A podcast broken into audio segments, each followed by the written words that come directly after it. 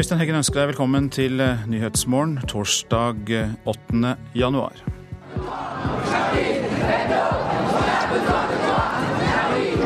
Tusener var ute i Paris gater i går kveld i protest mot terroren som rammet satiremagasinet Charlie Hebdo, der eh, tolv personer ble drept.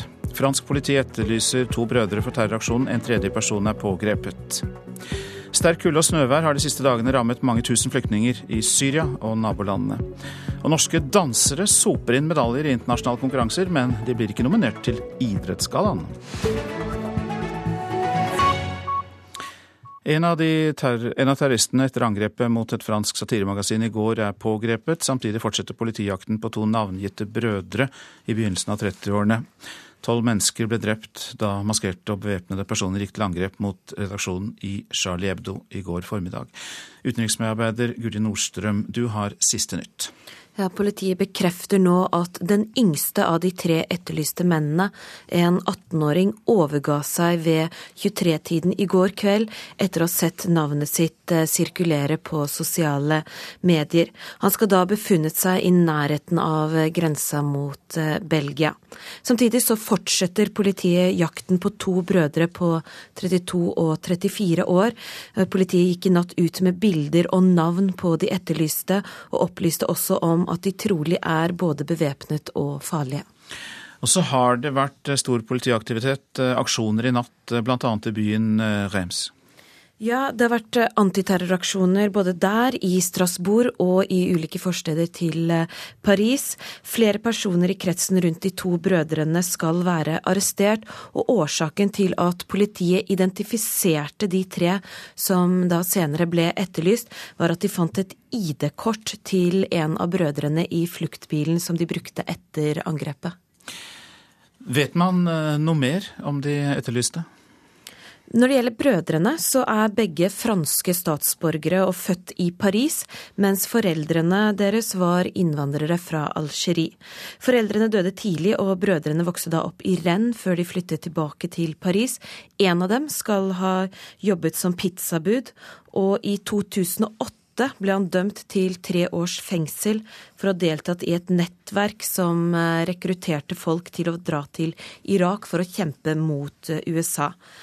Han ble faktisk pågrepet før han selv skulle til Irak, og sonet 18 måneder av dommen før han ble satt eh, fri igjen. Deretter skal disse to brødrene ha oppholdt seg i Syria. Når det gjelder 18-åringen som nå er eh, pågrepet, så gikk han på videregående skole, men det er ennå ikke kjent om han var fransk eh, statsborger. Takk skal du ha i denne omgang, utenriksmedarbeider Guri Nordstrøm. Flere tusen mennesker demonstrerte altså mot terrorangrepene i Paris i går kveld. Mange kan ikke fatte at eh, dette kunne skje, midt i hjertet av byen. Nå viser de sin støtte til kampen for ytringsfrihet.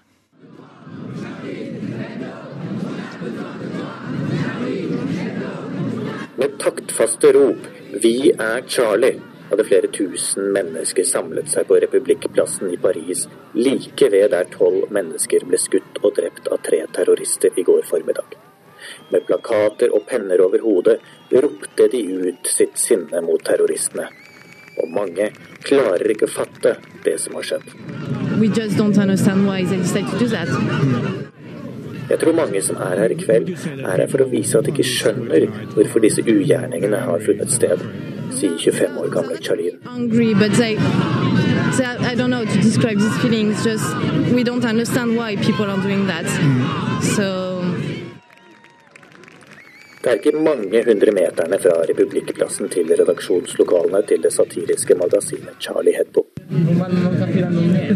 På en restaurant like ved jobber Daniele, it's my name. Han var på jobb da terroraksjonen som rystet hele Europa, fant sted og kjente mange av de som jobbet i magasinet.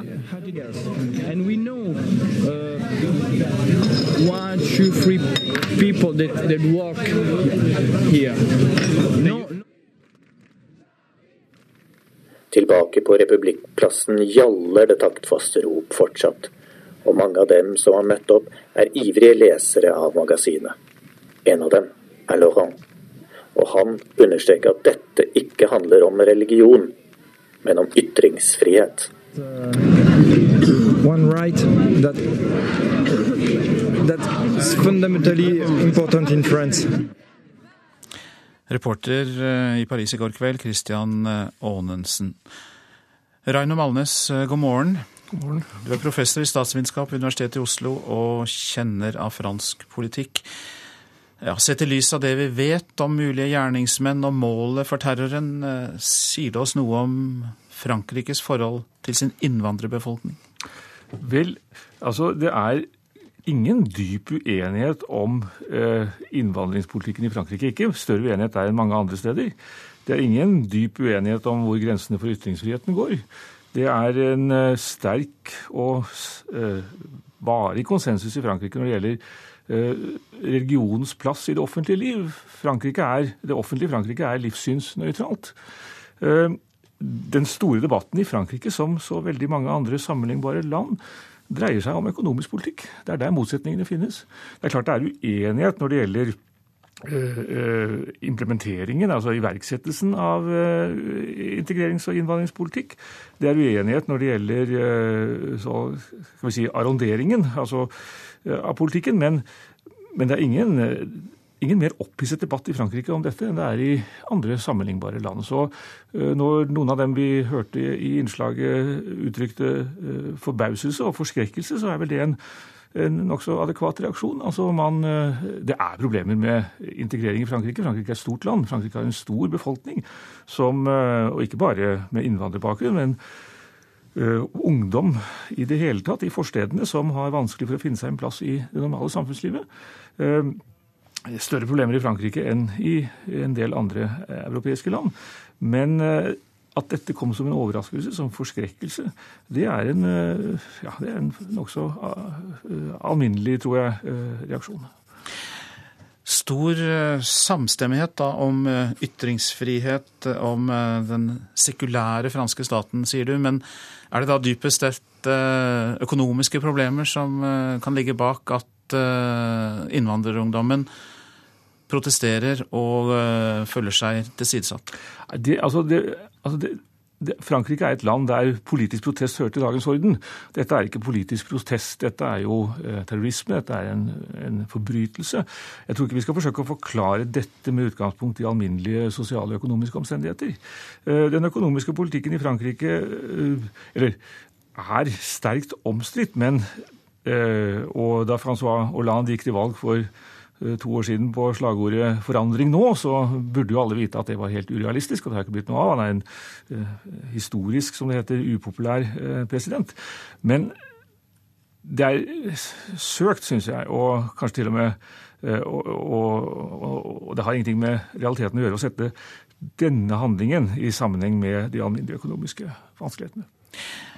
Men la oss sette den inn i eh, det politiske bildet. altså Polariseringen i fransk politikk har jo økt i det siste. Høyere oppslutning om det høyreradikale partiet Nasjonal Front bl.a. Hvordan vurderer du mulige virkninger av et terrorangrep av denne typen på fransk politikk? Vel, nå kan du si at eh, altså, Nasjonal Front har hatt en voldsom fremgang. Eh, men bl.a. i kraft av at partiet er i noen grad blitt et normalt politisk parti. I hvert fall har lederen forsøkt å gjøre det et normalt politisk parti. Veldig betegnende når hun nå går ut og kommenterer det som har skjedd, så er hennes kommentar eh, ganske lik den alle andre mer etablerte eh, politikere kommer med. Dette er fryktelig noe vi står sammen. Samtidig så vil hun nok ønske, og forsøke kanskje å sende et lite budskap mellom linjene. Eh, hva sa vi? Men hun, som alle andre politikere som vil bli tatt alvorlig, vet at i denne situasjonen skal man vokte seg veldig godt for å prøve å slå politisk mynt på en sånn tragedie. Så selv om det er en sterk polarisering i fransk politikk, det er en opphisset politisk debatt, det er en ordkrig som er annerledes enn den vi er vant til. Så, og det er lang avstand fra nasjonal front til eh, det ytterste venstre. Så er det allikevel også i sentrum av fransk politikk som jeg var inne på, ganske bred enighet om mangt og mye. Også for så vidt om den økonomiske politikken. Men, eh, men eh, det betyr ikke at ikke fransk politikk sånn kan fremstå så mye mer konfliktpreget, så mye mer preget av fiendskap enn politikken f.eks. i Norge. Nei. Men altså, ja, et polarisert samfunn, men, men man skal også være forsiktig med å overdrive graden av polarisering. Altså det, det politiske ordskiftet kan tyde på kanskje sterkere ideologiske motsetninger enn det som faktisk finnes. Selvfølgelig er Nasjonalfront et parti for seg selv. Men det er et parti som, er, som, som, er, under forandring, og det er ikke godt å si hvor det kommer til å ende. Og det kan godt være at en del av partiet ender som et forholdsvis normalt, men for så vidt ytterliggående høyreparti, mens en annen del av partiet bryter ut og blir en liten sånn utgruppe som minner om det gamle Nasjonalfront, som var pro provoserende og provokatorisk parti som ikke hadde ønsker om å få politisk makt, men som først og fremst var innstilt på å provosere. Rainer Magnes, eh, jeg skal si takk eh, til deg straks. Men eh, et spørsmål det må jeg likevel komme med, fordi du sier at Marine Le Pen, den nye lederen av det høyreradikale partiet gjør det hun kan for å kanskje si eh, det samme som de andre politiske lederne. Men til syvende og sist så kan det vel også tenkes at hun og partiet vil profitere på denne type angrep? Veldig vanskelig å, å vite hva et sånt eh, hva dette altså Vanligvis så er jo politiske kriser egnet til å skape oppslutning om de som har makten, altså om regjeringen, om de store partiene. Så det tror jeg vi skal være veldig forsiktige med å spå noe som helst om. Vi skal også være veldig forsiktige med å spå noe når det gjelder hva vil dette si for partiet Nasjonal Fronts utvikling? Altså Vil det gi næring til de kreftene i partiet som ønsker å beholde den gamle, nokså ekstreme høyreradikalismen, eller vil det styrke de som forsøker å gjøre partiet til et normalt høyreparti? Veldig vanskelig å si. Da stopper vi der. Hjertelig takk for at du kom, Raine Malnes, som altså er professor i statsvitenskap ved Universitetet i eh, Oslo. Dagen etter angrepet på satiremagasinet Charlie Hebdo så åpner utstillingen Ytringsfrihet og avistegning i Stavanger. Flere av tegnerne som bidrar, har blitt truet på livet, og noen også fengslet. Sånn som her oppe har vi et, uh, en tegning av Erdogan i Tyrkia, og han uh, skulle jo forby Twitter, da. Og da har uh, Fadi her laga en tegning med den her kjente lille blå twitterfuglen fra ansiktet hans. Elisabeth Dyvik viser oss rundt mellom karikaturene som henger på veggene på Sølvberget i Stavanger. Hun er programdirektør i Fribynettverket, et nettverk som bl.a. trygger de som er truga for sine tegninger. Her er det bilder av tegnere som har kommet til en friby i Norge. Arifur Rahman fra Bangladesh er en av dem. En av hans mest kontroversielle tegninger er med i utstillinga. Det er en uskyldig tegning, egentlig. Han gjør litt narr av dette her med at alle skal hete Mohammed. Altså har han en liten gutt som kaller katta si for Mohammed, kanskje ved en feil. Eh, men den ble brukt av ekstreme islamister da, i en eh, ja, i en propagandakamp, vil jeg si, sånn at Arifur ble satt i fengsel eh, og måtte flykte. Utstillinga som viser hvor farlig det kan være å jobbe som avistegner, åpner bare én dag etter det brutale angrepet mot det satiriske magasinet Charlie Hebdo. Jeg skulle ønske at, uh, at denne utstillinga ikke var så aktuell som den er. Vi som jobber med det her til daglig, vi vet hvor aktuell den er. Men uh, nå får den jo litt uh, grusom ekstra aktualitet, og det bringer det veldig hjem. og det skulle jeg gjerne vært foruten, for å si det på den måten. Styremedlem i Norske Penn, Ann Margrit Austenå, skal åpne utstillinga senere i dag. Hun mener det er viktig å støtte de som våger å utfordre med karikaturer, men har samtidig forståelse for de som nå er redde for å holde fram. Ja, det kan jeg forstå, og derfor er det veldig viktig at eh, mennesker nå eh, slutter opp om de som eh, våger dette, de som er eh, ytringsfrihetens eh, fortropp på mange vis. At de kommer til utstillingen nå eh, i Stavanger. Eh, at de demonstrerer sin solidaritet med det som har skjedd med satiremagasinet i, i Paris. Jeg bare ser på noen tegninger her. En fra Nigeria og en fra Kamerun, og så er det et par fra Tyrkia her. Skjebnene på veggen viser at det å formidle alvor ved hjelp av humor koster dyrt i mange land. Ja, altså Det er jo mange, mange flere enn enn de ekstreme islamistene som lar seg fornærme av tegninger, og som truer og fengsler avistegnere. Altså, De blir banka opp og de blir saksøkt og blir fengsla i mange mange flere land enn, det, enn de arabiske. Men å la være å åpne utstillinga i Stavanger er ikke aktuelt, forteller Dyvik. Nei, for dette er en, en, utstilling som vi har planlagt lenge, og som vi skal utstille. Og dessuten så er det også en del av ytringsfriheten at vi skal få lov å, å, å stille ut den. Og hvis vi kommer noen trusler, eller hvis det blir noe sånt, så får vi heller få hjelp av politiet eventuelt til å ta noen noe forhåndsregler. Men det har aldri vært noe tanke om det. Og Elisabeth Dyvik sa det, programdirektør i Fribynettverket, reporter Kjersti Hetland. Så til eh, avisene. Redaksjonen i satirebladet Charlie Hebdo brukte blyanten som våpen og ble massakrert. Terrorangrepet i Paris minner oss om at ytringsfriheten i 2015 ikke kan tas for gitt. Den må vi slåss for, skriver Bergens Tidende. De døde for sin frie strek, kan vi lese i Aftenposten. Over hele Europa ble det tent lys for de tolv døde i går kveld. Ofrene ble pekt ut på forhånd. Massedrapsmennene slo til da redaksjonen i Charlie Hebdo planla spesialutgave om radikal islam, skriver Dagbladet. Jeg vil heller dø stående enn å leve på mine knær, er et sitat fra redaktøren av Charlie Hebdo, Stefan Charbonnier, gjengitt i VG. Ytringsfrihetens 11. september, sier forlagsveteran William Nygaard til Klassekampen. Det mest dødelige angrepet på ytringsfriheten, ytringsfrihetens fanebærere vi har sett i vår del av verden, skriver Dagsavisen. Et slikt angrep er akkurat det muslimene frykter, sier lederen av Minotenk, Linda Al-Sagari. Hun sier det til Vårt Land, hun er selv muslim og sier terroren i Paris bidrar til en ond sirkel. Muslimer opplever mer frykt rettet mot dem, og det kan gjøre dem mer antivestlige. Så til andre temaer på forsidene. Dårligst siden finanskrisen er oppslaget i Dagens Næringsliv. Konjunkturbarometeret peker rett ned. Bedriftene varsler nye kutt, og investorer frykter at vi kan stå foran et tiår med lav oljepris. Politiets eh, operatører på alarmsentralene mangler opplæring, skriver Bergensavisen. Det fins ingen nasjonal opplæringsstandard, og opplæringen i dag er minimal, ifølge en kartlegging gjort for Justisdepartementet. Og det kan bli Sørlandets tiår. Det er inntrykket Fedrelandsvennen har fått etter en konferanse med økonomer og analytikere. Sørlandet en er en kompetansetung region, som kan bli et sted for å etablere nye datalagringspakker. Nå om norske dansere, for de har sanket eh, hele 45 EM- og VM-medaljer i 2014. Eh, Men likevel er eh, ingen av danserne nominert til Idrettsgallaen. Generalsekretær Mona Kristiansen i Danseforbundet er oppgitt.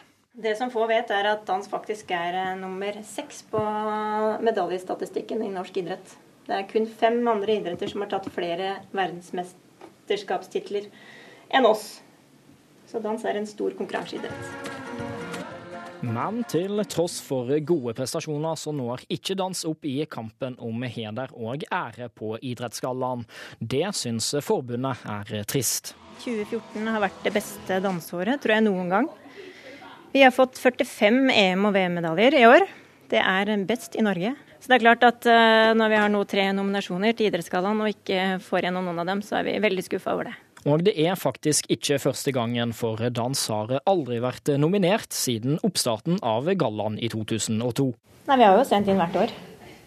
Så um, vi har jo egentlig aldri lykkes.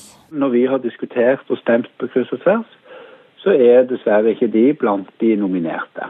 Det sier juryleder Tore Øvrebø, som ønsker å fremheve at han allikevel er imponert over danserne. Vi vet at det er flinke dansere, og de gjør det bra, og de jobber godt. og Det er subjektiv vurdering, og det er syv personer som har, har gjort sine vurderinger, og da er det de nominerte som er blitt nominert. Men for Danseforbundet og generalsekretær Mona Kristiansen så er tålmodigheten slutt, og nå vurderer de å boikotte Idrettsgallaen i framtida. Vi kan ikke bli bedre enn verdens beste i nesten alle grener som vi har. Så vi kan ikke bli noe bedre, og da ser vi egentlig ikke noe grunn til å fortsette å nominere og at vi skal gjøre det for 2015. Eh, Klart alle fra Danseforbundet der, og reporter var Henrik Agledal. Du lytter til Nyhetsmorgen. Klokka den er snart 6.49. Eh, vi har disse hovedsakene. En av terroristene etter angrepet mot et fransk satiremagasin i går er pågrepet. Samtidig fortsetter politijakten på to navngitte brødre i begynnelsen av 30-årene.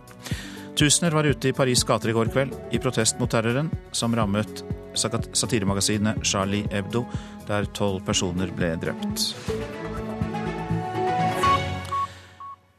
Sterk vinterkulde og snøvær har rammet tusener av flyktninger i Syria og nabolandene. Mange har dårlig beskyttelse mot vinterværet. Hjelpeorganisasjonene frykter at mange flere liv kan gå tapt hvis ikke nødhjelpen trappes opp nå. Syriske flyktninger måker nysnø av telttakene i en flyktningleir i Libanon. Mange av teltene har ramlet sammen under vekten av den tunge snøen de siste dagene. Helmi al-Nassar er glad de overlevde. Heldigvis var det ingen barn her. De kunne ha blitt drept da de store metallstengene ramlet ned. Fordi det er nå en 20-30 cm snø på teltduker. Snøstormen som herjer Syria og nabolandene gjør livet vanskeligere i flyktningeleirene. Men generalsekretær i Flyktninghjelpen Jan Egeland er enda mer bekymret for de tusenvis av flyktninger som befinner seg i de indre fjellområdene, bl.a. i Nord-Irak, der nattetemperaturen har vært svært lave de siste dagene. Dette fryktelige vinterværet med minus 20 grader om natten, det tar liv. Det er storm og, og, elendighet som kommer inn i uferdige bygninger hvor flyktninger har søkt eh, tilflukt. Eh, på toppen av krigen så drepes de også av dårlig vær. Over ti millioner syrere, nærmere halvparten av landets befolkning, er nå drevet på flukt fra hjemmene sine. Fire millioner er i nabolandene. Mangel på penger gjør at mange ikke får den nødhjelpen de trenger. Egeland mener det internasjonale samfunnet må øke bistanden dramatisk. Vi må ha en mye større satsing på nødhjelp eh, til disse områdene. Vi har et svært vinterprogram, men vi har nådd fram til for få fordi utviklingen i antallet flyktninger og fordrevne har vært eksplosiv. Så nå prøver vi å vekke opinionen rundt omkring i verden til å si la dem i alle fall ikke dø av kulde og uvær nå når vi ikke kan stoppe krigen. Det sa Jan Egeland til slutt, og reporter var Tom Ingebrigtsen. Slektsgranskning får stadig flere av oss øynene opp for. En av inspiratorene er trolig NRK-programmet Vil du vite hvem du er? Og folk vil vite mer, sier Marit Hosar fra Opplandsarkivet i Lillehammer. Det vi ser etter at TV-serier som Hvem tror du at du er? kom på banen, da har vi fått henvendelser som ønsker å finne mer opplysninger om slektningene. Ikke bare navn og årstall, men de ønsker å finne ut hvem var personene. Arkivleder Marit Hosar sitter i et gammelt hus på Maihaugen. Hit kommer folk for å få vite Hva gjorde de? Hvilken arbeid hadde de?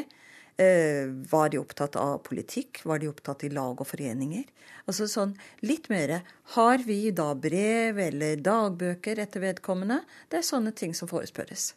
Hosar forteller at interessen for slektsgransking har endret seg betydelig etter at kjente personer som Geir Lippestad og Jon Almås fikk seg store overraskelser i møte med ukjente sider av slekta si i TV-programmet Vil du vite hvem du er?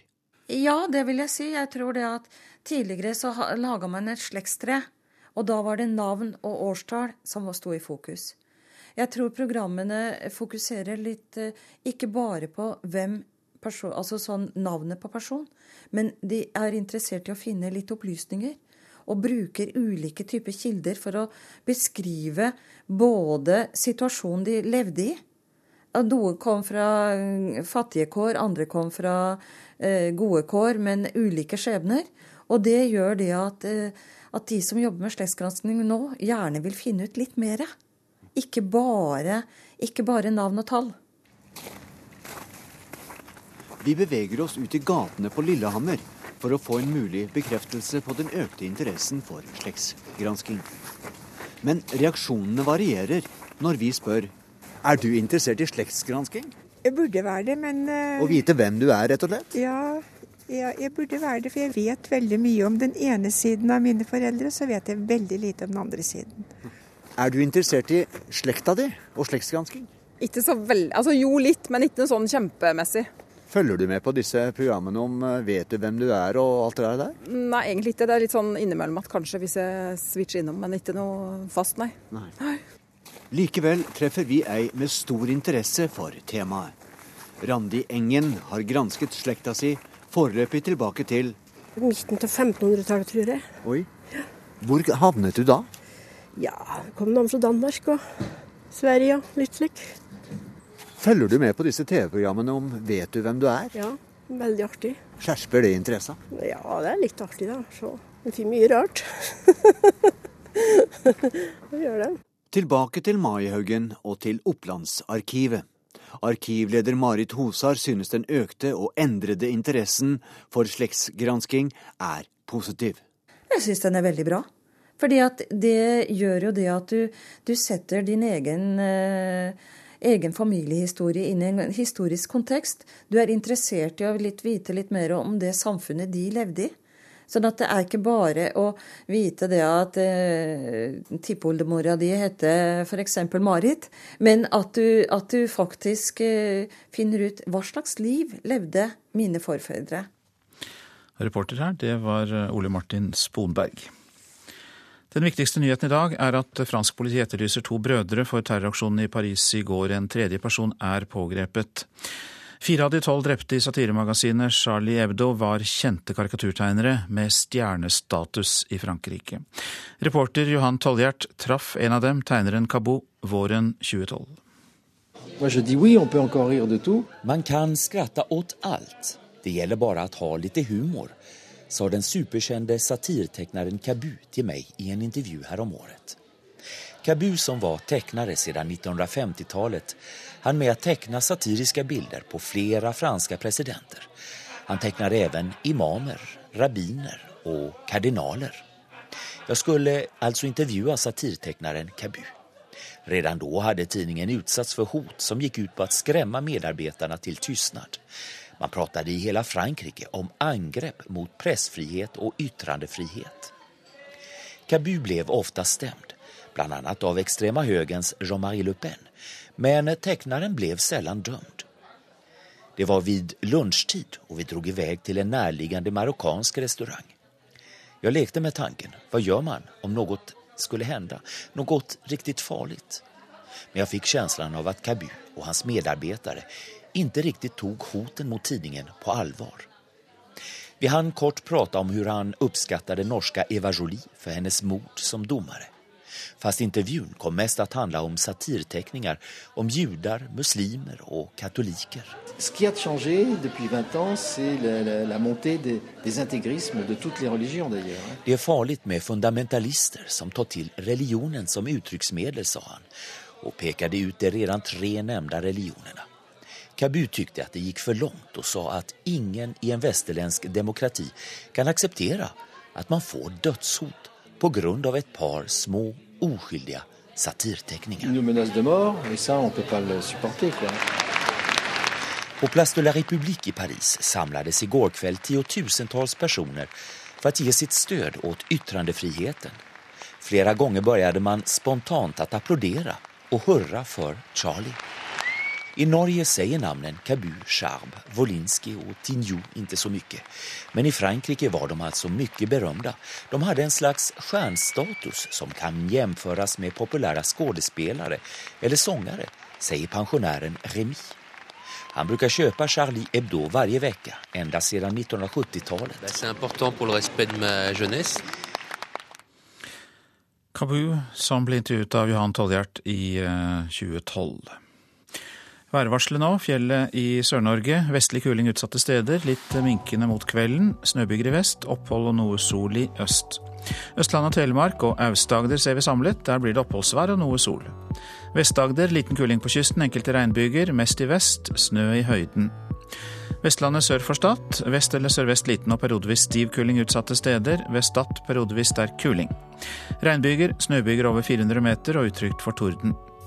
Møre og Romsdal sørvest stiv og periodevis sterk kuling på kysten. I kveld liten kuling. Regnbyger, snøbyger over 400 meter, og torden kan det også bli der. Trøndelag sørvest stiv kuling på kysten. I kveld liten kuling. Regnbyger, snøbyger over 300 meter, og torden kan det bli. Lite nedbør i indre Sør-Trøndelag. Nordland sørøst stiv kuling utsatte steder. Fra ettermiddag sørvestlig opp i liten kuling. Regn og sludd, snø i indre og høyereliggende strøk. Troms sørøstlig stiv kuling utsatte steder, periodevis sterk kuling i nord, oppholdsvær. Fra ettermiddag sørlig liten kuling, litt sludd og snø fra sør. Finnmark sørøstlig stiv kuling utsatte steder, i vest periodevis sterk kuling.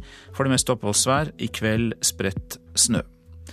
Nordensjøland på Spitsbergen fra i ettermiddag liten kuling, i kveld sterk kuling. For det meste oppholdsvær, men i kveld litt snø. Temperaturer målt klokka fire. Svalbard lufthavn minus to. Kirkenes minus åtte. Vardø minus to. Alta minus fire. Tromsø-Langnes minus én. Bodø pluss fem. Brønnøysund pluss fire. Trondheim-Værnes pluss fem. Molde pluss seks. Bergen-Flesland og Stavanger begge pluss sju. Kristiansand-Kjevik åtte. Gardermoen fire. Lillehammer og Røros pluss to grader, begge to. Og Oslo-Blindern fem grader klokka fire i natt.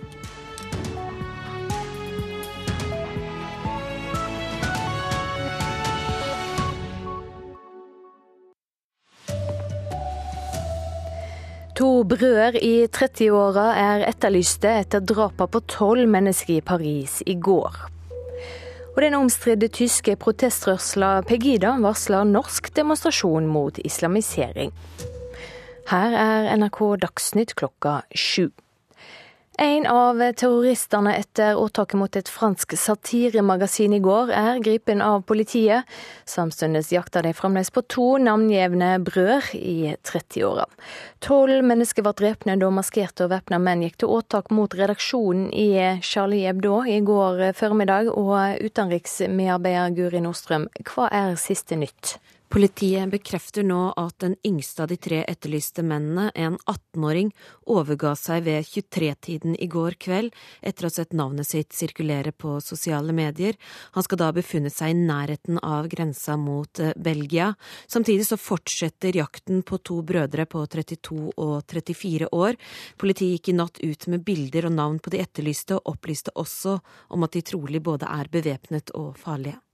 Ja, hva mer vet en om eh, disse to som eh, er etterlyst? Ja, De er begge franske statsborgere, født i Paris, mens foreldrene deres var innvandrere fra Algerie. En av dem skal ha jobbet som pizzabud, og i 2008 ble han dømt til tre års fengsel for å ha forsøkt å rekruttere folk til å reise til Irak for å kjempe mot eh, USA. Han ble faktisk selv pågrepet før han skulle reise til Irak, og sonet 18 måneder av dommen før han ble satt fri igjen. Deretter skal de ha oppholdt seg i Syria. Takk skal du ha, Guri Nordstrøm. Den omstridte tyske protestrørsla Pegida vil marsjere i Oslo førstkommende mandag, det skriver Vårt Land. Den høyrepopulistiske organisasjonen har fått stor oppmerksomhet etter å ha arrangert store demonstrasjoner i Tyskland hver uke den siste tida.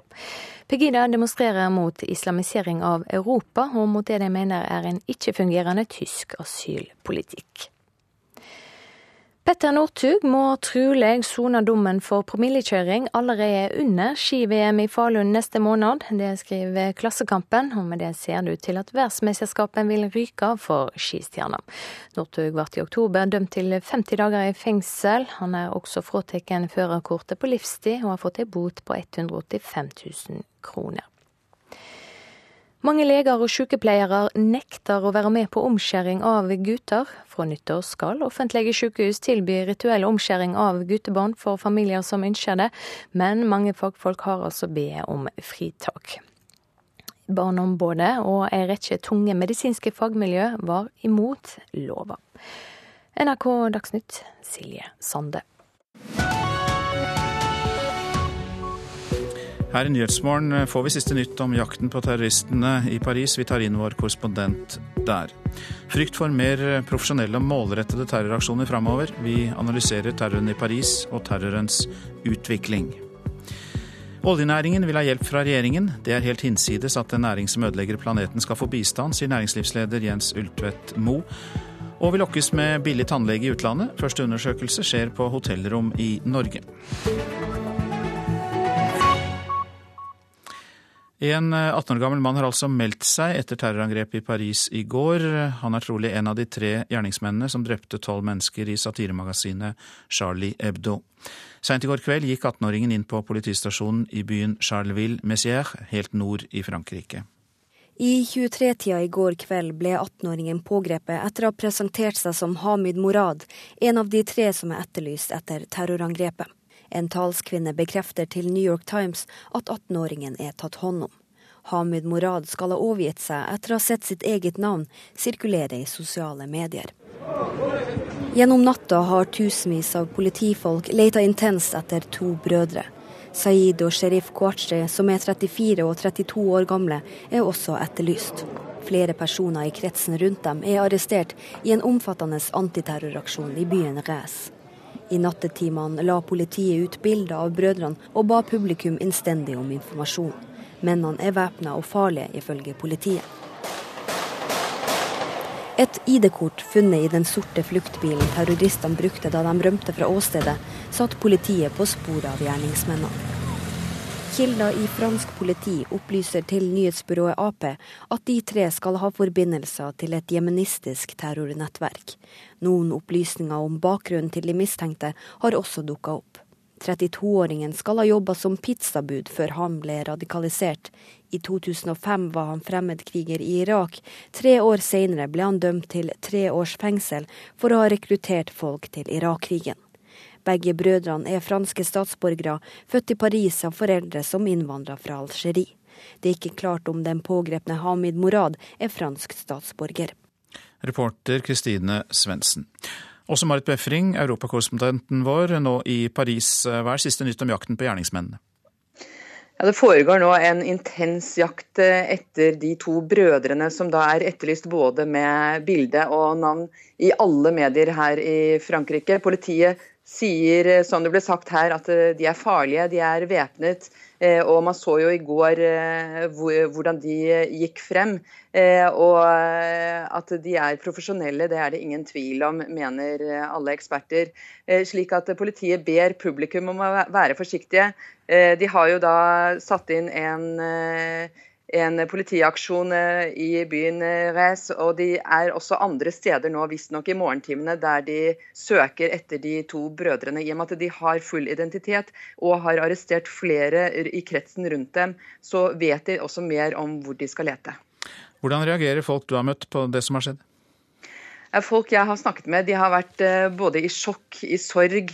Eh, eh, de har også gitt uttrykk for mye sinne for at man nå har angrepet noe som, så grunnleggende i Frankrike som ytringsfriheten. Så dette handler ikke bare om et angrep på én redaksjon, det handler om grunnleggende rettigheter som man har opparbeidet seg i Frankrike og Europa for øvrig. Men i hvert fall så er det både et sinne mot at dette har blitt angrepet, men også denne sorgen og behovet for samhold. Eh, I går så var det jo titusener av mennesker som kom ut i gatene i flere byer i hele Frankrike. Her i Paris snakker man om nærmere 100 000. Eh, og de hadde behov for å være sammen med andre mennesker som opplevde dette som et, et spesielt hardt angrep på, på, på, deres rettigheter. Og I dag så er det jo også varslet en stor markering her i Paris, og man regner med at det kommer enda flere. Ja, så eh, det er det som ventes eh, skjer ute i gatene i dag. Og så fortsetter vel da sannsynligvis også eh, politiarbeidet, også Marit Befring? Ja, Samtidig så er det jo da en offisiell sørgedag her i dag. Alle flagg kommer til å bli firt på halv stang på offisielle bygninger, på skoler osv. Og, eh, og klokken tolv så er det varslet ett minutts stillhet eh, til minne om eh, de tolv som døde. Det er jo da fire stykker som er alvorlig såret på sykehus. Til sammen elleve personer ligger såret og blir behandlet for skuddskader. Men i dag er det en offisiell sørgedag her i Frankrike.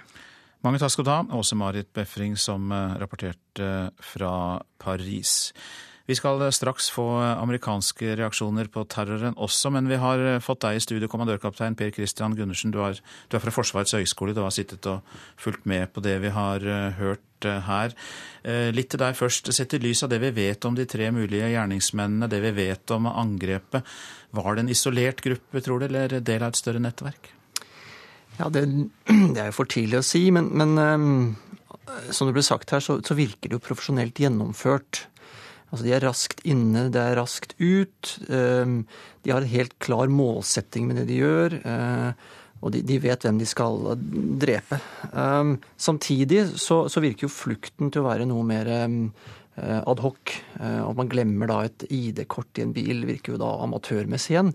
Så sånn sett så, så tenker jeg at dette tyder vel kanskje på at de er relativt alene om å både planlagt og gjennomført dette. Du eh, blir med oss eh, videre. Vi skal eh, også innom New York og andre amerikanske storbyer, for der har myndighetene nemlig skjerpet sikkerhetstiltakene etter terrorangrepene i Paris. Og amerikanske myndigheter de mener at vi kan komme til å stå overfor flere målrettede og mer profesjonelle angrep. Our government is doing a number of things to support. Vi støtter franske myndigheter på en rekke måter i jakten på gjerningsmennene, sier president Obamas minister for innenriks sikkerhet, Jay Johnson, til CNN. Han og flere andre som jobber mot terror her, frykter at angrepet i Paris er en ny type terrorangrep som det vil kreve store ressurser å beskytte seg mot. For dette var ikke selvmordsaksjonister som vil ramme sivile med bomber. Terroristene i Paris virket profesjonelle og visste hvem de skulle drepe. The way they carried their weapons, the fact that they had their faces covered, these were individuals that were, were there to commit murder, not to be identified, to get away. De visste åpenbart hvordan en håndterer våpen. De var maskerte og hadde som mål å komme seg unna, sier lederen i Senatets etterretningskomité Richard Burr.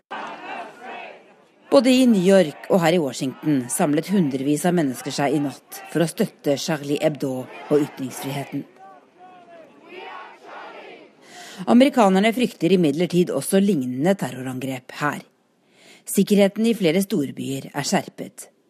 Enkelte politikere uttrykker også bekymring for radikaliseringen av muslimer i flere europeiske land. Blant republikanerne i Kongressen er det flere som mener at USA bør revurdere om alle med europeiske pass skal kunne reise til USA uten visum i framtida. Men akkurat nå er det jakten på gjerningsmennene i Frankrike også folk her følger med på. Tove Bjørgaas, Washington. Ja, Kommandørkaptein Per Christian Gundersen, du er da fortsatt med oss. Så la oss ta opp dette som Bjørgaas var innom. Kan vi framover stå overfor flere målrettede angrep utført av mer profesjonelle terrorister? Det er noe som eh, etterretningstjenester i Vesten har vært bekymret eh, for i lengre tid. Um, I forhold til hjemvendte um, fremmedkrigere fra spesielt av Syria og Irak. Fordi um, trussel det, det, består primært av to aspekter. Det ene er evne og vilje. Eh, når det gjelder vilje, så, så er det den radikaliseringen som, som, enkelte har vært igjennom, og som blir ytterligere forsterket gjennom at man er med i krigene i Irak og i Syria.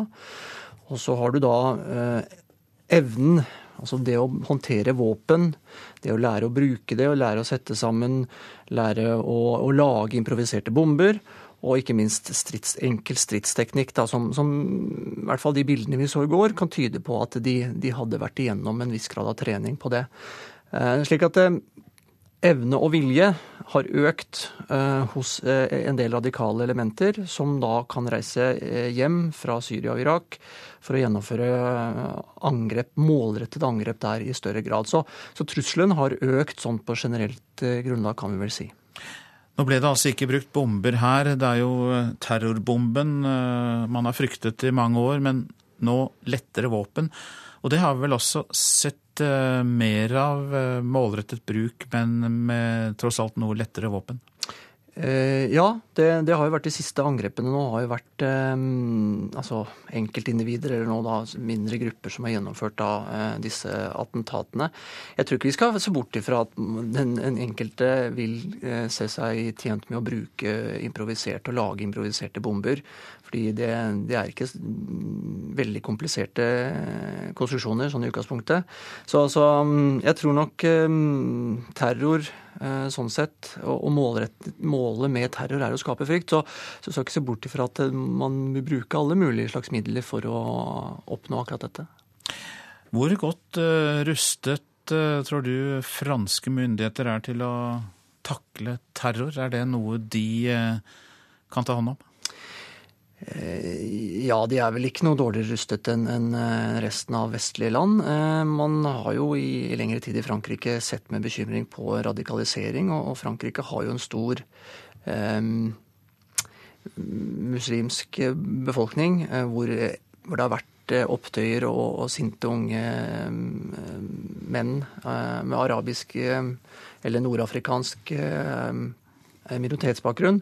Eh, sånn at man følger nok dette tett. Eh, og det er klart at det er mye større miljøer, muligheten for mye større miljøer i Frankrike enn det er f.eks. i Norge når det gjelder radikale elementer. Takk skal du ha for disse analysene, Per Christian Gundersen, som altså da er kommandørkaptein ved Forsvarets høgskole. Takk skal du ha. Du lytter til Nyhetsmorgen. Klokka den nærmer seg kvart over sju. Dette er uh, hovedsaker. Fransk politi etterlyser altså to brødre etter terroraksjonen i går. En tredje uh, mistenkt er allerede tatt. Han meldte seg for uh, politiet. Tusener var ute i Paris' gater i går kveld i protest mot terroren som rammet satiremagasinet Charlie Hebdo, der altså tolv personer ble drept. Og eh, oljenæringen vil ha hjelp fra regjeringen, hinsides at næring som ødelegger planeten skal få bistand, eh, sier næringslivsleder. Mange leger sier nei til å utføre rituell omskjæring av gutter. Fra 1.1 skal sykehusene ha et slikt tilbud, men i Nord-Norge er det ingen urologer som vil foreta dette inngrepet. Medisinske miljøer protesterte da regjeringa foreslo at omskjæring av gutter skulle foregå på sykehus. Fra 1.1 er den nye loven et faktum, men å innføre den har budt på problemer. Det står at i den grad det ikke er til hinder for et forsvarlig tilbud, skal det tas hensyn til helsepersonell som av samvittighetsgrunner ikke ønsker Fagdirektør Geir Tollåli i Helse Nord må innse at de urologene som kunne utført inngrepet i Nord-Norge, alle har benytta seg av at loven åpner for å si nei. Ledelsen på eh, de aktuelle sykehusene har eh, hatt en, eh, en dialog med det kirurgiske miljøet. og og gitt oss klare tilbakemeldinger på at dette blir vanskelig å gjennomføre uh, uten at man uh, gir direkte uh, ordre om at så skal skje. Styremedlem Magne Dimmen i Norsk urologisk forening bekrefter at mange av hans kolleger over hele landet ikke vil utføre denne operasjonen. Veldig mange kolleger har store samvittighetsproblemer med å skulle utføre dette her, nettopp pga. at det er et unødvendig inngrep som ikke har noen fordeler for de det gjelder. Og eh, de har heller ikke noen mulighet til selv å delta i beslutningen om det skal gjøres eller ikke. Og av den grunn så føler veldig mange at dette her bryter fullstendig med medisinske, etiske, grunnleggende prinsipper. Det jeg ikke forstår, det er at man tar denne altså følelsen av at dette er fremmed og annerledes, og så setter man seg på sin høye hest og så inntar en tante Sofie-holdning. Det forstår jeg ikke. Ervin Kohn er leder i Det mosaiske trossamfunnet i Oslo. Om lag 2000 gutter blir omskåret i Norge hvert år. Det er først og fremst i muslimske og jødiske trossamfunn rituell omskjæring blir praktisert her til lands. Over 30% av jordens mannlige befolkning er omskåret. I USA er det vanlig praksis. 81% av amerikanske menn er omskåret. Dette er en helt vanlig eh, prosedyre på amerikanske sykehus få opp øynene og bli litt mindre etnosentriske, og så eh, kommer dette til å gå helt fint. Helse Nord har ikke gitt opp arbeidet med å kunne tilby rituell omskjæring. Så vi prøver å finne andre løsninger, enten private eller å, å se om det er mulighet til å få, eh, få, hjelp hos eh, de andre regionene i, i Norge. Men jeg vet at eh, samme problemstillinga er aktuell eh, hos de andre regionale helseforetakene også. Bare ved et fåtall sykehus har urologer sagt ja til å omskjære. Helsepersonell kan ikke nekte å gjøre jobben hvis det betyr at foretaket blir stående uten et tilbud. Geir Tollåli tror likevel det skal mye til før det kommer et pålegg fra dem. Det er vel ganske uheldig å bruke makt på en, et sånt samvittighetsspørsmål. Reporter her, det var eh, Vera Isaksen. Oljenæringen etterlyser tiltak fra regjeringen, men milliardær Jens Ultveit Mo advarer mot å hjelpe en næring som ødelegger planeten. Det er lav oljepris og mindre aktivitet som fører til at mange arbeidsplasser forsvinner i oljeindustrien. For veldig mange er jo dette en trasig situasjon man er oppe i nå. Sier Leif Sande, leder i fagforbundet Industri Energi. Det pumpes mindre olje med en oljepris på 50 dollar fatet og lavere aktivitet på norsk sokkel. Mange arbeidsplasser er i fare, og Sande etterlyser tiltak fra regjeringen, bl.a. skattelettelser for oljeselskapene. Det Regjeringspartiene nå setter selv pekt på muligheter for å lage skattegrep på, med tanke på økt utvinning i modne felt. Og Det hadde vært et veldig viktig eh, tiltak å gjennomføre akkurat i denne situasjonen. Også bransjeorganisasjonen Norsk olje og gass mener skattereduksjoner på såkalte modne felt vil bedre situasjonen, sier kommunikasjonsdirektør Tommy Hansen. Hansen. Ja, Det må eh, både insentiver og andre tiltak til for at vi skal kunne øke utvinningen i eksisterende felt og utnytte modne felt bedre.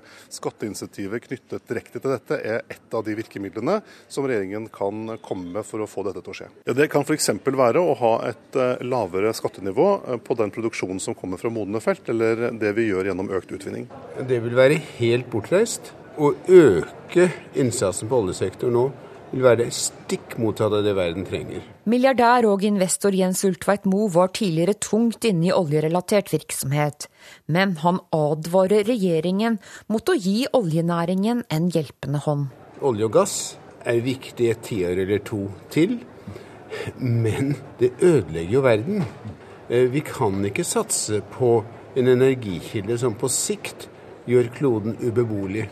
Senest i går sa næringsministeren at regjeringen ikke har tiltak på trappene for å demme opp for lavere aktivitet i oljerelatert industri. Mens olje- og energiminister Tord Lien tidligere har uttalt at skattelettelser for oljeindustrien bør utredes. I går svarte ikke Olje- og energidepartementet på NRKs henvendelse. Men hvis regjeringen bestemmer seg for tiltak, har Leif Sande mange forslag å presentere. Ja, altså jeg mener at man bør se på hele eh, spekteret av eh, ting. Ikke de dramatiske tingene nå, men vi bør gi noe som stimulerer til høyere aktivitet. Og vi bør gi noe som gir signal til oljenæringen om at skatt i Norge er ikke fastlåst. Altså vi tilpasser det ut ifra den situasjonen vi er oppe i. Reportere her Line Tomter og Sindre Heierdal. Nå til eh, avisene. Redaksjonen i satirebladet Charlie Hebdo brukte blyanter som våpen og ble massakrert. Terrorangrepet i Paris minner oss om at ytringsfriheten i 2015 ikke kan tas for gitt. Den må vi slåss for, skriver Bergens Tidende.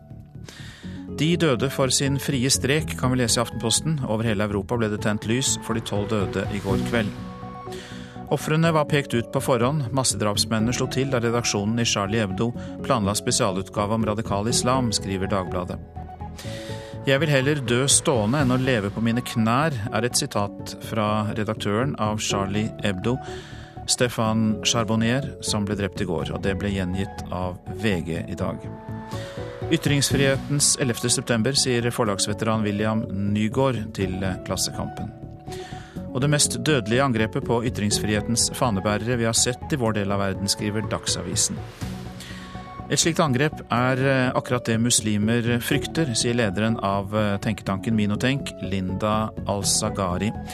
Til Vårt Land sier hun at terroren i Paris bidrar til en ond sirkel. Muslimer opplever mer frykt rettet mot dem, og det kan gjøre dem mer antivestlige. Så til andre oppslag. Dårligst siden finanskrisen er oppslaget i Dagens Næringsliv. Konjunkturbarometeret peker rett ned, bedriftene varsler nye kutt, og investorer frykter at vi kan stå foran et tiår med lav oljepris. Politiets eh, operatører på alarmsentralene mangler opplæring. Det skriver Bergensavisen. Det fins ingen nasjonal opplæringsstandard, og opplæringen i dag er minimal, ifølge en kartlegging gjort for Justisdepartementet. Det kan bli Sørlandets tiår. Det er inntrykket Fedrelandsvennen sitter igjen med etter å ha fulgt en konferanse med økonomer og analytikere. Sørlandet er en kompetansetung region som kan bli et sted for å etablere nye datalagringssteder. Skrekkmøte med elgen er oppslaget i Nordlys. Morten Lund og kameraten fikk en elg gjennom ruta for snart eh, sju år siden, men eh, fortsatt så har han kollisjonen på netthinnen hver gang han kjører bil. Er jeg i Indre Troms, ser jeg nesten mer i grøfta enn på veibanen, sier Lund til eh, avisa. Saltfri vei er en suksess, er meldingen vi får i Nasjonen i dag. Ski kommune i Akershus har færre ulykker, stor miljøgevinst og mer penger i kommunekassa etter at veisalting ble droppet.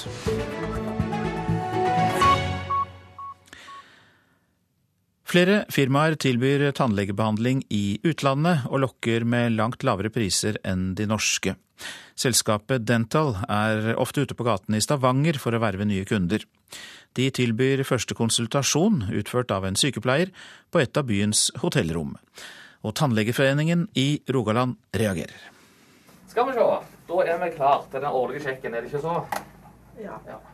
Tannlege Hans Terje Helgaland gjør seg klar til å kontrollere en av sine pasienter. For å forebygge og se til at tannhelsa er gode. Vi er i Sandnes, men i nabobyen Stavanger er det ofte et firma innom på besøk som tilbyr gratis tannkontroll utført av en sykepleier på et hotellrom i byen. Deretter kan pasientene velge behandling på en klinikk i utlandet. Det er en stund siden vi har sett de har vært på disse hotellene og drevet med den eh, undersøkelsen som de har gjort der. Men eh, vi har observert det, og vi mener at det verken bør eller skal forekomme denne, type, denne form for eh, tannbehandling. Helgaland er leder i Rogaland tannlegeforening og er kritisk til at ukvalifisert personell tar seg av disse kontrollene. Eh, det er klart at de er langt utenfor regelverket og bryter med det som vi kaller en faglig forsvarlig virksomhet. Hvorfor da? Vi mener at det er en tannlege som skal drive dette. og Helsedirektoratet og Helsetilsynet har jo satt opp veldig klare regler for hvordan ting skal være. Og det er jo tannlegen som er behandleren oppi dette. Å få en sykepleier til å se på dine tenner i fem minutter på et hotellrom, er ikke faglig forsvarlig virksomhet. Eh, en sykepleier har jo ikke den kompetansen som kreves for å verken å diagnostisere eller å sette i verk behandling. Eh, så jeg ville vel være svært skeptisk hvis jeg var pasient i en eh, sånn situasjon. Det sier fylkeslege Pål Iden. Temaet har nylig vært oppe til diskusjon, men han kjenner ikke alle detaljer til virksomheten. Det er klart Hvis det er en ren informasjon og formidling av et tilbud i utlandet, så er det ikke så mye vi kan gjøre eh, med det. Eh, hvis dette er det som vi kan kalle for helsevirksomhet, at en gjør undersøkelser av enkeltpasienter og gir dem en eh, individuell veiledning og viderehenvisning til, eh, til tannleger i utlandet, så er jo dette her helsehjelp. Og Da er det jo underlagt en del bestemmelser som vi har tilsyn med. Vi har jo sett pasienter som kommer tilbake med f.eks. 28 nye kroner på tennene sine, som vi nettopp har gått gjennom på forhånd og sett at det er det ikke behov for. Konseptet vårt er jo å tilby pasientene på en måte behandling i eh, Norge, eh, men også en mulighet for å reise utenlands for å gjennomføre den samme behandlingen til en rimeligere pris. Igor Salei er økonom og leder i Dental, som er et av selskapene med denne type virksomhet. Etter første konsultasjon kan pasientene velge å reise alene eller sammen med ei gruppe for behandling på en av klinikkene de har i utlandet. Jeg tror de setter pris på det møtet eh, de har i Stavanger at de får ha mulighet til å snakke med oss i en litt uformell setting. Eh, mange har jo tannlegeskrekk, så det er jo greit å møte oss først i en sånn setning, før de på en måte reiser til utlandet for å utføre en behandling. Han mener at konseptet med å gi norske pasienter tannlegebehandling i utlandet er kommet for å bli, og mener stadig flere får øynene opp for en tur til tannleger utenfor Norges grenser. Eh, nå har vi jo 30-40 norske pasienter til behandling til enhver tid, som kommer og går alt etter som. Så det er jo en økende tendens til folk som reiser til utlandet for å utføre behandling. Da får vi ta runden på den og så se at det ser greit ut, dette her. Hvis det skjer noe galt, hva gjør du da? Skal du da måtte reise til utlandet for å få en reklamasjon? Det kan jo bli veldig dyrt igjen. Da er det det trygge med å kunne gå til den lokale kontoret og få hjelpen her. Altså, Vi har holdt på i åtte år med dette. Eh, hadde vi fått negativ tilbakemelding, så kunne vi ikke holdt på med det. Det sier seg sjøl. Så mye av dette går jo fra munn til munn, så vi har jo fornøyde pasienter. Jeg tror at folk bør være skeptiske til denne typen virksomhet, eh, og være svært tilbakeholdne med å begi seg inn på å benytte seg av det. Sånn. Reporter her, det var Cecilie Berntsen Jåsund. Real Madrid har god tradisjon for å videreutvikle tenåringer. Det sier kommentator i TV-kanalen Seymour og ekspert på spansk fotball Petter Veland. Det meste tyder nå på at uh, den 16 år gamle fotballtalentet Martin Ødegaard velger Real Madrid. Og selv om det spanske laget ikke henter inn så mange tenåringer, så gjør de det godt, de som kommer gjennom nåløyet. De siste åtte-ti årene så har Real Madrid henta eh, fire av fem tenåringer, ikke mer enn det. Og det høres kanskje ut som et beskjedent antall, men navnene på de tenåringene som er henta, viser at når Real Madrid først henter unggutter, så mener de alvor. Det er Sergio Canales, Gonzalo Higuain, Marcelo, Rafael Varan og Sergio Ramos, ikke minst. Alle de er enten bærebjelker i laget nå, eller har en en suksessrik fotballkarriere andre steder. Så dersom Martin Ødegaard blir Real Madrid-spiller, så er det håp for unggutten, selv om livet i den spanske hovedstaden skulle bli for tøft, sier Veland. Dersom han ikke lykkes i Real Madrid, så er historien full av 50-60 eksempler på rundt om i store klubber i både Spania og i Europa, at spillere som ikke var gode nok for Real Madrid, som ikke kom gjennom Norge, nåløyet, presterer på et voldsomt høyt nivå andre steder. Fordi de har blitt bedre fotballspillere bare av å være der. Det sa kommentator Peter Veland, og reporter her var Henrik Agle Dahl. Det er Kari Bekken Larsen som er produsent for Nyhetsmorgen i dag. Her i studio Øystein Heggen. Og så minner vi om at i Politisk kvarter er rammevilkårene for næringslivet og statlig eierskap eh, temaene som er oppe til debatt. Terror i Tyrkia er tema for reportasjen etter Dagsnytt. Det siste angrepet i Istanbul ble trolig utført av en ytterliggående marxistgruppe.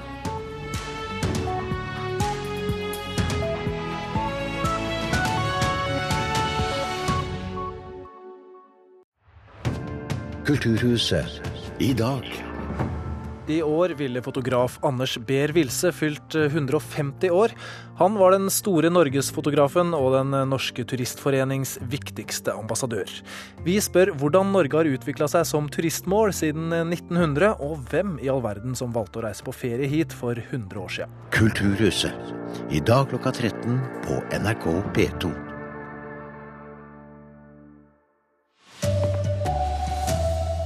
To menn er etterlyste etter terroråtaket i Paris i går. En tredje har meldt seg sjøl for politiet.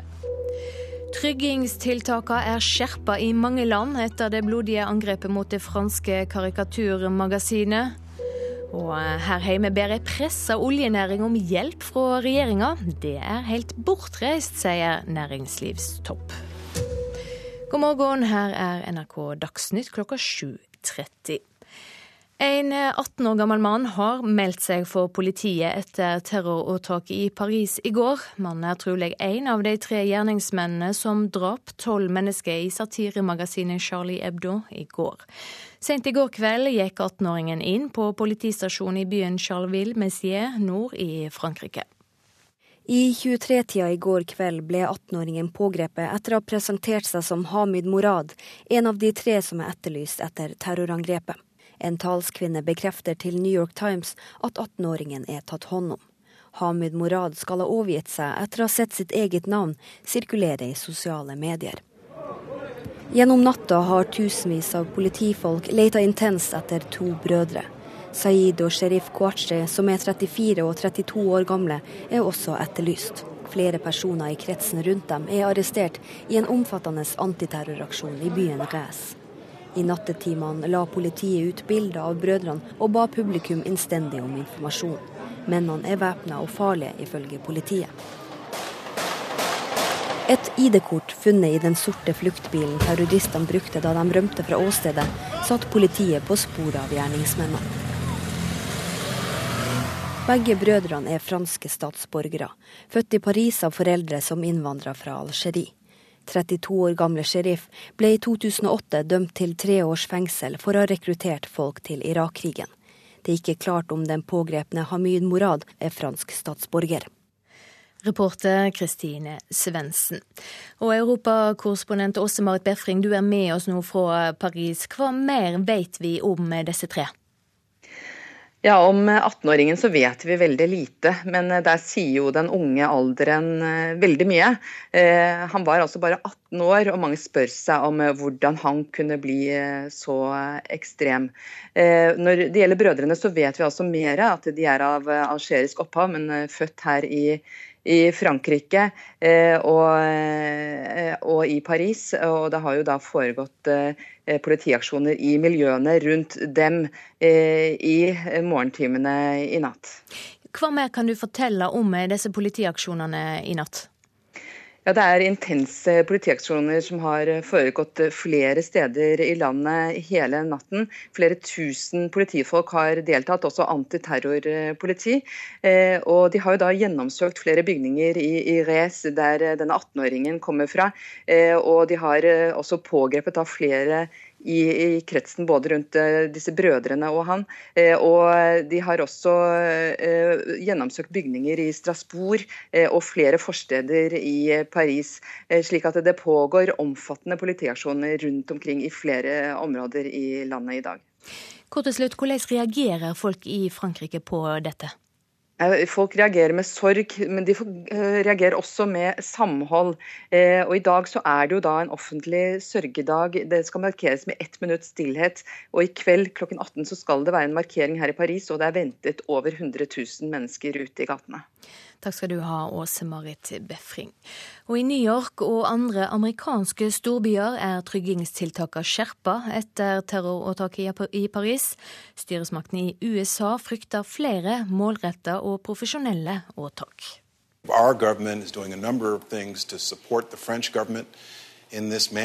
Vi støtter franske myndigheter på en rekke måter i jakten på gjerningsmennene, sier president Obamas minister for innenriks sikkerhet, Jay Johnson, til CNN. Han og flere andre som jobber mot terror her, frykter at angrepet i Paris er en ny type terrorangrep som det vil kreve store ressurser å beskytte seg mot. Enkelte politikere uttrykker også bekymring for radikaliseringen av muslimer i flere europeiske land. Blant republikanerne i Kongressen er det flere som mener at USA bør revurdere om alle med europeiske pass skal kunne reise til USA uten visum i framtida. Men akkurat nå er det jakten på gjerningsmennene i Frankrike også folk her følger med på. Tove Bjørgaas, Washington. Og Dagen etter det brutale åtaket på satiremagasinet Charlie Hebdo åpna utstillinga 'Ytringsfridom og avistekning' i Stavanger. Flere av tegnerne som bidrar med karikaturer, er trua på livet og fengsla, men åtaket i Paris i går stopper ikke utstillinga, sier Elisabeth Dyvik. Sånn som her oppe har vi et, uh, en tegning av Erdogan i Tyrkia, og han uh, skulle jo forby Twitter, da. Og da har uh, Fadi her laga en tegning med den her kjente lille blå Twitter-fuglen fra ansiktet hans. Elisabeth Dyvik viser oss rundt mellom karikaturene som henger på veggene på Sølvberget i Stavanger. Jeg skulle ønske at, uh, at denne utstillinga ikke var så aktuell som den er, men uh, nå får den jo litt grusom ekstra aktualitet. Styremedlem i Norske Penn, Ann Margrit Austenå, skal åpne utstillinga seinere i dag. Hun mener det er viktig å støtte de som våger å utfordre med karikaturer, men har samtidig forståelse for de som nå er redde for å holde fram. Ja, det kan jeg forstå, og derfor er det veldig viktig at eh, mennesker nå eh, slutter opp om de som eh, våger dette, de som er eh, ytringsfrihetens eh, fortropp på mange vis. At de kommer til utstillingen nå eh, i Stavanger. Reporter Kjersti Hetland. Låg pris og liten aktivitet gjør at mange arbeidsplasser blir borte i oljeindustrien. Nå etterlyser oljenæringa tiltak fra regjeringa. For veldig mange er jo dette en trasig situasjon man er oppe i nå. Sier Leif Sande, leder i fagforbundet Industri Energi. Det pumpes mindre olje med en oljepris på 50 dollar fatet og lavere aktivitet på norsk sokkel. Mange arbeidsplasser er i fare, og Sande etterlyser tiltak fra regjeringen, bl.a. skattelettelser for oljeselskapene. Det Regjeringspartiene nå sitter selv pekt på muligheter for å lage skattegrep på, med tanke på økt utvinning i modne felt. Og Det hadde vært et veldig viktig eh, tiltak å gjennomføre akkurat i denne situasjonen. Også bransjeorganisasjonen Norsk olje og gass mener skattereduksjoner på såkalte modne felt vil bedre situasjonen, sier kommunikasjonsdirektør Tommy Hansen. Ja, det kan f.eks. være å ha et eh, lavere skattenivå eh, på den produksjonen som kommer fra modne felt, eller det vi gjør gjennom økt utvinning? Det vil være helt bortreist. Å øke innsatsen på oljesektoren nå vil være stikk motsatt av det verden trenger. Milliardær og investor Jens Ulltveit Moe var tidligere tungt inne i oljerelatert virksomhet. Men han advarer regjeringen mot å gi oljenæringen en hjelpende hånd. Olje og gass er viktig et tiår eller to til, men det ødelegger jo verden. Reporter Line Tomter. Mange spesialister sier nei til å utføre rituell omskjæring av gutter.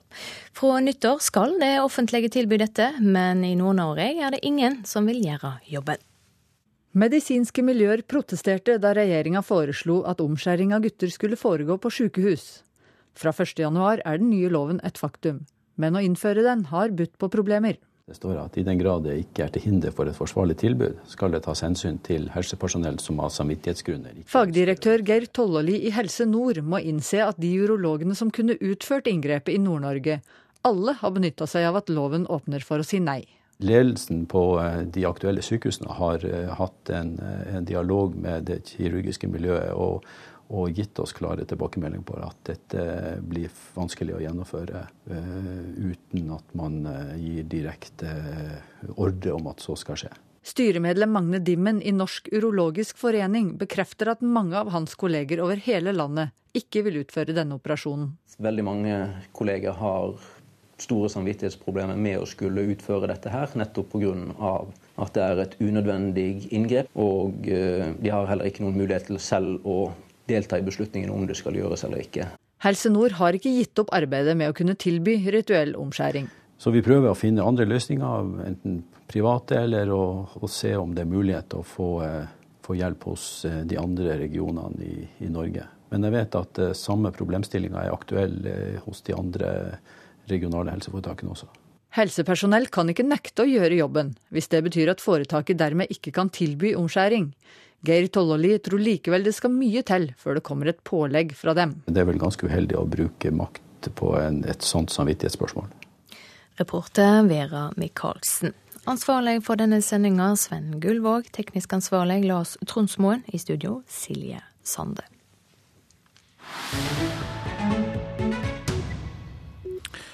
Nå om eh, terror i Tyrkia. En kvinnelig selvmordsbomber angrep denne uken en politistasjon i et populært turistområde i Istanbul.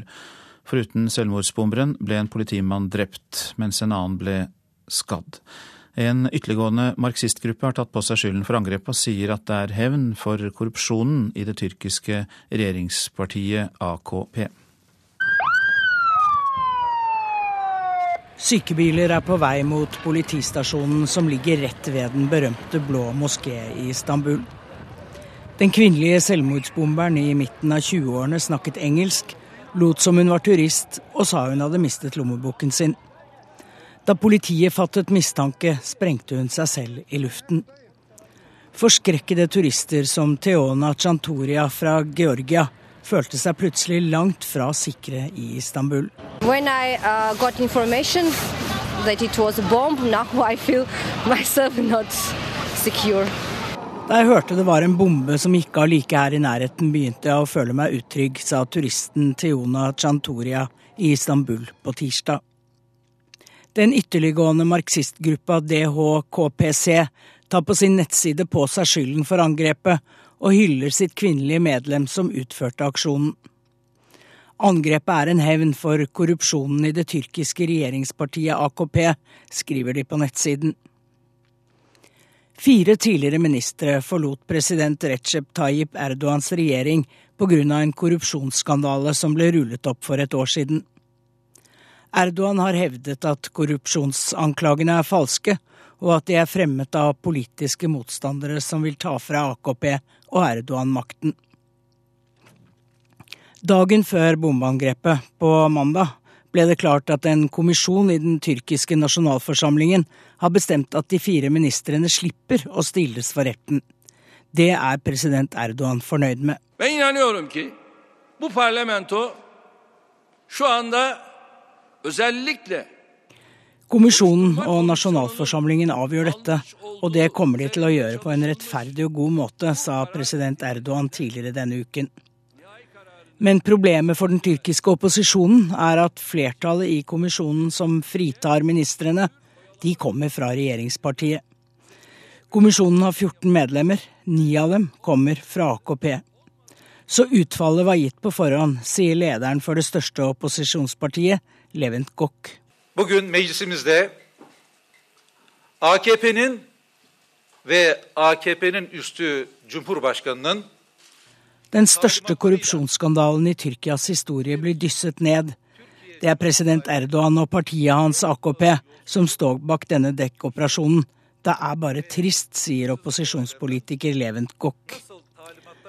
Saken er ennå ikke helt avgjort. Det er nasjonalforsamlingen som til syvende og sist avgjør om de fire korrupsjonsanklagede ministrene skal stilles for retten. Men protester og bombeangrep til tross, høyst sannsynlig har president Erdogan nå klart å sette punktum for den brysomme korrupsjonssaken. Det sa utenriksmedarbeider Anette Groth. Hør ekko. Andelen nordmenn på trygd øker Slettes ikke, sier han som har knust trygdetall for de siste 20 åra. Allikevel hører vi stadig at vi ikke gidder å stå opp om morgenen. Har noen en politisk interesse av å si det? Eller ligger det i sjela vår å mistenke naboen for å være en snylter? Ekko 9 11 i NRK P2. Du lytter til Nyhetsmorgen. Dette er hovedsaker i dag. To menn er etterlyst etter terrorangrepet i Paris i går. En tredje har meldt seg for politiet. Sikkerhetstiltakene er skjerpet i mange land etter angrepet mot det franske karikaturmagasinet Charlie Hebdo. Nå fra nyttår skal sykehusene tilby rituell omskjæring av gutter, men mange leger har reservert seg. Oljenæringen vil ha hjelp fra regjeringen, hinsides at en næring som ødelegger planeten skal få bistand, sier næringslivsleder Jens Ulltveit Moe. Vi minner om nettstedet radio.nrk.no, der du kan høre alle NRKs radiokanaler og eh, tidligere sendte programmer. Altså radio.nrk.no. Om få sekunder, Politisk kvarter. Programleder er Astrid Randen.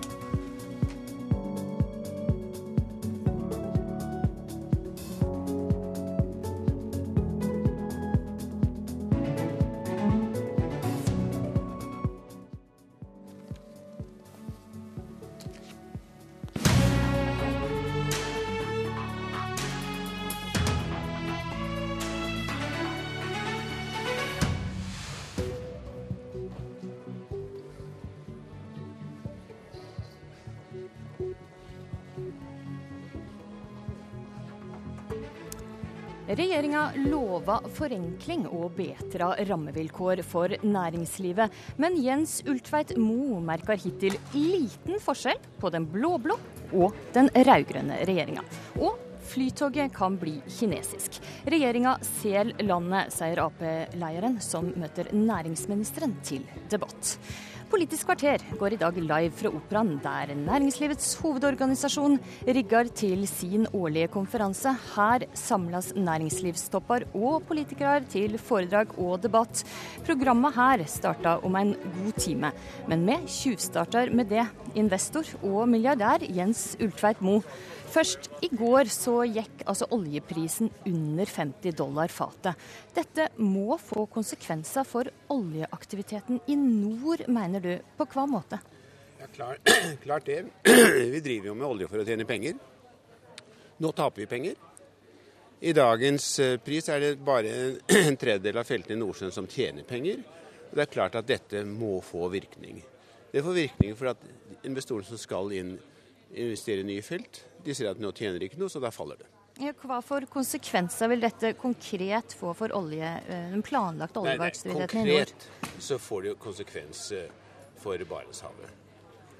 Oljeindustrien har en veldig god track record på, på, på forurensning, fisk, å ta vare på den slags. Der er det ikke noe problem. Men når, når selskapet nå skal se på å bygge ut i Barentshavet, så faller det jo. De trenger Castberg eh, trenger 85 dollar nye felt utbygging der vil trenge 100 omtrent. Det er det doble av dagens. Så det betyr at før oljeprisen kommer sterkt opp, vil man ikke engang se på det. Men bør en sette en pause på all leitevirksomhet i nord? Markedet har satt pausen. Og pausen blir veldig viktig. Fordi at når, når og hvis, og det får vi håpe, oljeprisen kommer opp, så kan det være at man da ser på nye utbygginger. Men så kommer de så sent. De kommer i gang slutten av 20-årene, produksjon 2030 og utover. Og da vet vi jo at oljeselskapene planlegger på kvotepris, som gjør, som gjør, oljen dyrere. Da vi snakke 120 dollar, så trenger vi. Og går vi enda et stykke ut, til 2050, så sier Norge og nabolandene at da skal vi redusere utslipp med 80% Da blir rett og slett ikke behov for den oljen. Og risikoen er jo at du bygger ut felt, får lov å drive dem bare i 10-15 år, og da er det ikke penger det da heller. Det blir stranded asset. Dette blir da ressurser i bakken som er verdiløse. Det er galt både for selskapene og for landet. Ultveit Moe, som en eh, betydelig næringslivsaktør og investor. Vil du si at forholdet for det, for å drive din butikk og få gjort den jobben du skal gjøre, er lettere nå under den blå-blå regjeringa enn det var under de rød-grønne? Ja, det syns jeg faktisk. Hittil er det bare et år eller så. Så i konkrete ting er det jo ikke så mye. Jeg ser at skattleggingen jeg har, er nå litt mindre harde for meg enn for utlendinger. Du har litt mindre i formuesskatt nå enn du hadde? Ja, litt mindre i formuesskatt. Utlendingene har jo ikke formuesskatt i det hele tatt. Så jeg blir skattlagt bare litt hardere enn utlendinger. Det er et fremskritt. Vikardirektivet viser jo at, at regjeringen er villig til å se på det rigide arbeidslivet vi har. Og det trenger vi veldig med den store omstillingen i energisiden som nå kommer. Men hadde du venta det mer fra den blå-blå regjeringa? Du ga som Høyre-sympatisør tross alt en million i valgkampstøtte ja, ja. til partiet. Vel anvendte penger håper jeg skal si om et par-tre år. Jeg hadde ventet mer på miljøsiden. Da de blå-blå kom med sine prioriteringer, De åtte viktigste var ikke miljøet med. Det var en stor skuffelse. Heldigvis holder de nå på å rette opp kjerringa. Tine Sundtoft hadde på nyttårsaften et handlingsprogram. Vi skal ha nye eh, mål satt i første kvartal i år. Og Norge har vært veldig aktive i Lima og Paris-prosessen. Så det er spesielt der. Kommer forenkling, skal... kommer andre sider av din virksomhet. Hadde du forventa at du skulle kjenne på kroppen mer forskjell med blå-blå regjering? Jeg hadde håpet. Jeg tror jeg får det. For jeg ser at regjeringen tør jo ta upopulære standpunkter. Eh, det på, det har vi sett på helsesiden. Endelig torde noen å bestemme hvor sykehuset på Mørekysten skulle være. Og de våger også å si at vi får dårligere helse ved å spre ressursene for tynt utover. Så holdningen er endret, og jeg tror den millionen kan ha vært vel anvendt. Du tror millionene kan ha vært vel anvendt. Takk skal du ha, Jens Ultveit Moe. Næringsminister Monica Mæland. Altså, det blei litt forskjell, sier Jens Ultveit Moe her, men han hadde håpa på mer, særlig på miljøsida. Hva svarer du? Nei, Da svarer jeg at politikk har lært meg mange ting, men en av tingene er at ting tar tid. Eh, og det er jo sånn at fra man kommer i regjering til eh, politikken faktisk eh, får begynne å virke, så tar det litt eh, tid. Nærings, eh, for næringslivet så er det jo slik at vi har vært opptatt av å bidra både i fjorårets budsjett og årets budsjett til omstilling og til økt konkurransekraft. Det gjør at vi har satset på vekstfremmende skatte- og avgiftskutt, på en stor samferdselssatsing, på å forenkle hverdagen både for folk flest og for næringslivet, og det kanskje aller viktigste, en stor satsing på kunnskap, kompetanse og næringsrettet forskning. Og, Men Ulfred Moe sier da at han håper at han vil merke mer forskjell i tida som kommer. Kan du love han det? Ja, det kan jeg love han. På hvilket felt da? Jo, Både på kort sikt og på lang sikt så er det jo sånn at uh, skatte- og avgiftskutt forenklinger, det virker, på, det virker, ganske fort. Det kan man implementere ganske fort. De forenklingene som regjeringen har gjort f.eks. når det gjelder reiseregninger, som er noe som har irritert mange over lang tid, det bidrar til at eh, man bruker mindre tid og mindre penger på det i næringslivet. Skatte- og avgiftskutt merker man nå ganske fort. Men på næringsrettet forskning så tar det jo tid fra eh, budsjettene økes til søknadene kommer inn og til man ser resultatet av det. Likevel er det riktig og viktig å satse på det. Det tar altså litt til tid. Og med det ønsker vi velkommen til Arbeiderpartileder Jonas Gahr Støre her uh, i Operaen. Og introdusere et uh, nytt tema. For regjeringa ønsker altså å selge Flytoget. I Stortinget i går sa du Støre at Arbeiderpartiet vil bygge landet, regjeringa vil selge det. Hvorfor er det så viktig for det at Flytoget er statlig eid? Jeg mener det er dårlig politikk og dårlig butikk å selge Flytoget. Eh, vi bør ha et eh, syn på statlig eierskap at det skal ivareta en funksjon. Eh, det er jeg enig i. Og vi skal ha et variert privat næringsliv som driver økonomien i dette landet. Men Flytoget i offentlig eie har vært et ekstremt vellykket prosjekt. Kundene er svært tilfredse. De frakter 20% av passasjerene i denne regionen. Og vi står foran en by som skal vokse med flere hundre tusen i årene som kommer.